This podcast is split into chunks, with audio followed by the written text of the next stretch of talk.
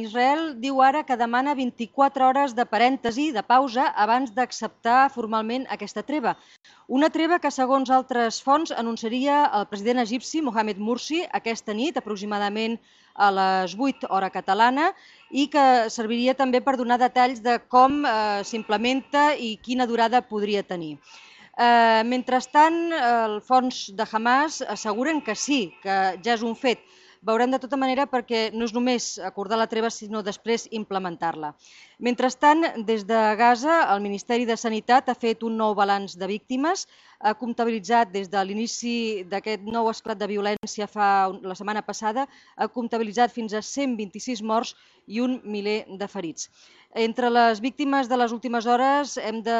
computar també sis palestins que haurien estat executats per una milícia armada al centre de la ciutat de Gaza, han estat acribillats i, segons eh, els rètols que després han penjat als seus cossos, els han mort perquè els consideraven espies d'Israel.